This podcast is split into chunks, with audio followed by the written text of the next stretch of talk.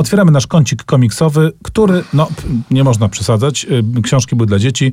Komiks niespecjalnie. Tak, więc y, dzieci, y, szu, szu, szu od odbiorników. Y, Nie no, podróż. dlaczego? No, można posłuchać, a nie, to nie znaczy, że trzeba od razu czytać. No dobrze, ja chciałem, rozumiem, zwiększyć atrakcyjność tego przekazu, bo Nie wiadomo, słuchajcie, że nie słuchajcie. zakazany owoc ma swój Nie czytajcie. urok. GP to pseudonim komiksiarza rodem z Włoch, znanego już polskiemu czytelnikowi, którego pewna historia właśnie ukazała się nakładem wydawnictwa Timow.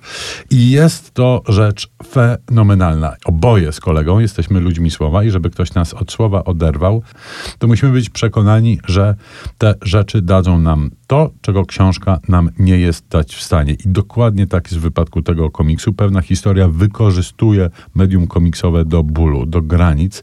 To widać, mamy tu do czynienia z kreską, mamy tu do czynienia z kreską realistyczną i mamy tu do czynienia z absolutnie przepięknymi akwarelami malarskimi, cudownymi, które można by sobie wyś- wyciąć z komiksu, niszcząc książkę niniejszym i powiesić na ścianie. Oczywiście, drogie dzieci, nie wycinamy niczego z książek, nie wieszamy na ścianach. Nigdy Nigdy. w żadnej sytuacji. Historia nie jest jedną historią, jak sugeruje e, tytuł, bo historie tu opowiedziane są dwie, mianowicie Silvana e, Landiego, który jest pisarzem, któremu rozsypuje się życie i rodzina, i jego dziadka, który jest z kolei w okopach I wojny światowej i tam jest świadkiem krwawych jatyk i nieprzyjemnych e, sytuacji. Natomiast ta pewna historia w liczbie e, pojedynczej, no to takie puszczenie oka Jeepiego do tematów przewodnich e, tego komiksu. I ja muszę przyznać, że no to jest taka lektura, jaką e, ja lubię, bo tu trzeba kombinować, trzeba główkować. E, te historie towarzyszą sobie, przeplatając się wzajemnie od samego początku do końca. Na początku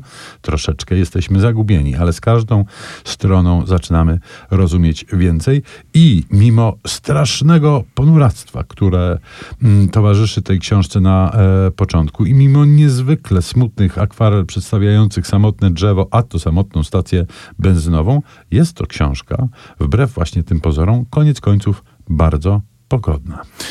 Trzeba być szalonym, żeby nie czytać tak dobrych komiksów. Po hiszpańsku to by było Un poco loco, tak też nazywa się piosenka z filmu Coco, też się rymuje bardzo ładnie. Zaśpiewają Michał Rosiński i Maciej Sztur.